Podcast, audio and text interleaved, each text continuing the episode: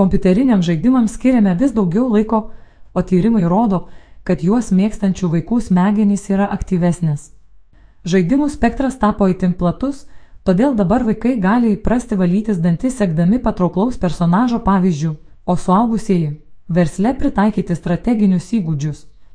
Išmoktus virtualiai valdant pusę galaktikos apimančią valstybę, ekspertai mano, kad jau netolimoje ateityje daugelį dalykų išmoksime žaisdami.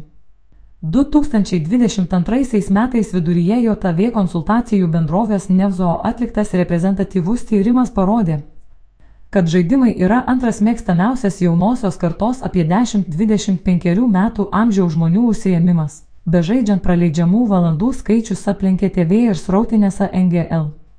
Streaming transliacijas ir nusileido tik socialiniams tinklams. Taip pat dažniau kalbama apie tai, kad žaidimai turi teigiamos įtakos vaikų raidai bei suaugusiųjų įgūdžiams.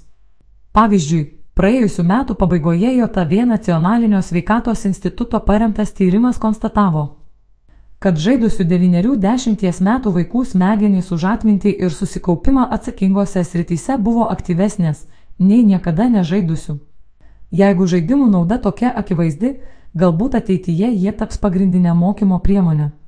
Apie tai mintimis dalinasi kitą savaitę įvyksiančios didžiausios nuotolinės pamokos mokonomika pranešėjas žaidimų kūrimo studijos TAGO FJI. Vadovas bei Lietuvo žaidimų kūrėjų asociacijos valdybos narys Šarūnas Ledas ir Svetbank finansų instituto ekspertė, renginio vedėja Justina Bagdanavičiūtė. Daugiau kaip 15 metų žaidimus kurianti Šarūnas Ledas sako, kad žaidimai gali vystyti įvairias pažintinės ir motorikos funkcijas. Tradiciškai žaidimai skirstomi į veiksmo, strateginius, vaidmenų, naratyvinius, sporto, galvosūkių ir taip toliau. Taigi, vieni gali ugdyti tokias fizinės savybės kaip koordinacija, kiti - sprendimų prieimimų greitį, kantrybę, dėmesio koncentraciją, planavimo įgūdžius, lyderystę, empatiją, emocinį intelektą ir daugybę kitų.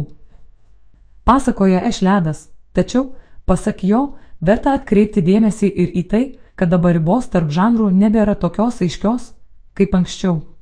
Dauguma žaidimų turi dviejų ar daugiau žanrų elementų, tad ugdomų savybių spektras tampa dar platesnis. Ešledo teigimu, dalis kompiuterinių žaidimų yra sukurti edukuoti.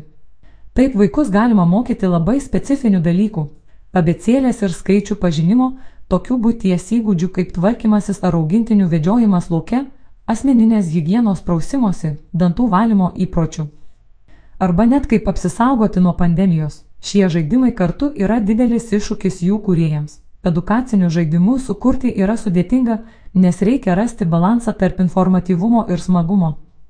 Tikras iššūkis yra sukurti smagų žaidimą, kuris kartu pateiktų ir pakankamą kiekį informacijos edukacijos tikslui pasiekti. Su tokiais žaidimais dirba platesnis specialistų ratas, juk skirtingo amžiaus ir socialinių grupių žaidėjams reikia parinkti ir atitinkamą žaidimo mechanikas, sudėtingumą, vizualų stilių. Teigia Lietuvo žaidimų kuriejų asociacijos valdybos narys.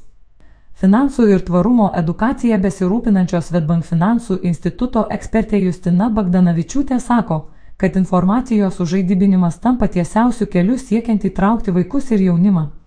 Nesvarbu, kokio amžiaus dauguma žmonių turi norą kažką pasiekti. Žaidimų atveju tai gali būti elementariausi taškai. Kai į mokymąsi įtraukiamas toks žaidimo elementas kaip taškų rinkimas, procesas tampa patrauklesnis ir informacija geriau priimama. Finansų laboratorijoje, skirtoje vaikų edukacijai, asmeninių finansų temas paverčiame interaktyviai žaidimais ekranuose. Taip vaikai labiau susidomi ir įsitraukia mokymų metu, teigia J. Bagdanavičiūtė. Finansų instituto ekspertė mano, kad ateityje mokymasis per žaidimus taps kasdienybė. Pavyzdžiui, anksčiau buvo įprasta galvoti, kad asmeninių finansų valdymas yra tik turtingųjų reikalas. Dabar daugelis supranta, kad privalu turėti bent esminius įgūdžius, o juos pradėti ugdyti reikia nuo ankstyvo amžiaus. Pasak jos, dėl to populiariajame Minecraftiu yra Fintropolio miestas, kuriame galima pabaigti finansinio raštingumo kursus o pasaulio futbolo čempionato žaidime Financial Social laimi geresnius finansų sprendimus darančios komandos vadovas. Be to, daug žaidimų, kurie nėra tiesiogiai mokomieji, gali geriau padėti suprasti ekonominius procesus. Tai Didžioji dauguma strateginių ir simulacijų žaidimų - žaidimai, kuriuose turi valdyti nuosavą kepyklą, zoologijos sodą ar sukurti geležinkelio tinklą, padeda suprasti mikroekonominius procesus. Tuo tarpu žaidimai, kuriuose turime valdyti visą miestą ar šalį, sukurti imperiją kosmose ar civilizaciją, padeda suprasti makroekonominius, bendrus tvarumo principus. Visi jie dažniausiai iliustruoja principą, kad norai yra neriboti, o resursai riboti, todėl reikia rūpintis protingų jų paskirstimų ir išteklių gausinimu ateityje. Anot jo Bagdanavičiūtės, nėra abejonių, kad gyvensime išmaniau, tvariau ir atsakingiau. Vis dėlto pagrindiniai gyvenimo dalykai niekur nepabėgs. Turėsime suvokti pinigų vertę, juos uždirbti ir atskirti, kas yra svarbu ir ne, kam reikia išleisti pinigus ir kas nėra būtina. Žaisdami mokomės tiek į savo veiksmų pasiekmių, tiek ir stebėdami kitų pasirinkimus bei jų rezultatus. Kadangi žaidimai yra viena labiausiai įtraukiančių veiklų, žaisdami patiriame panašias emocijas, kaip ir realiame gyvenime. Dėl to virtualios patirtys gali praversti realiame pasaulyje, mano ekspertė. Apie žaidimų ateitį Šarūnas Ledas papasakos didžiausioje nuotolinėje pamokoje Lietuvoje Mokonomika, kuri įvyks kovo 9 dieną nemokamoje žinių šventėje moksleiviams ir mokytojams. Skirtingam amžiui pritaikytas pamokas ves inovacijų, tvarumo, finansų bei kitų sričių ekspertai. Daugiau informacijos apie didžiausią nuotolinę pamoką ir registraciją su programa. Čia. Mokonomika. Inicijuojama Svetbank ir transliuojama per LRT, prisideda prie UNICEF ir UNESCO rengiamos didžiausios pamokos pasaulyje, kurios tikslas - kurti inovatyves švietimo priemonės. Įgyvendinant jungtinių tautų darnaus vystimosi tikslus. Projektą remia LR švietimo, mokslo ir sporto ministerija, jam suteiktas UNESCO patronažas.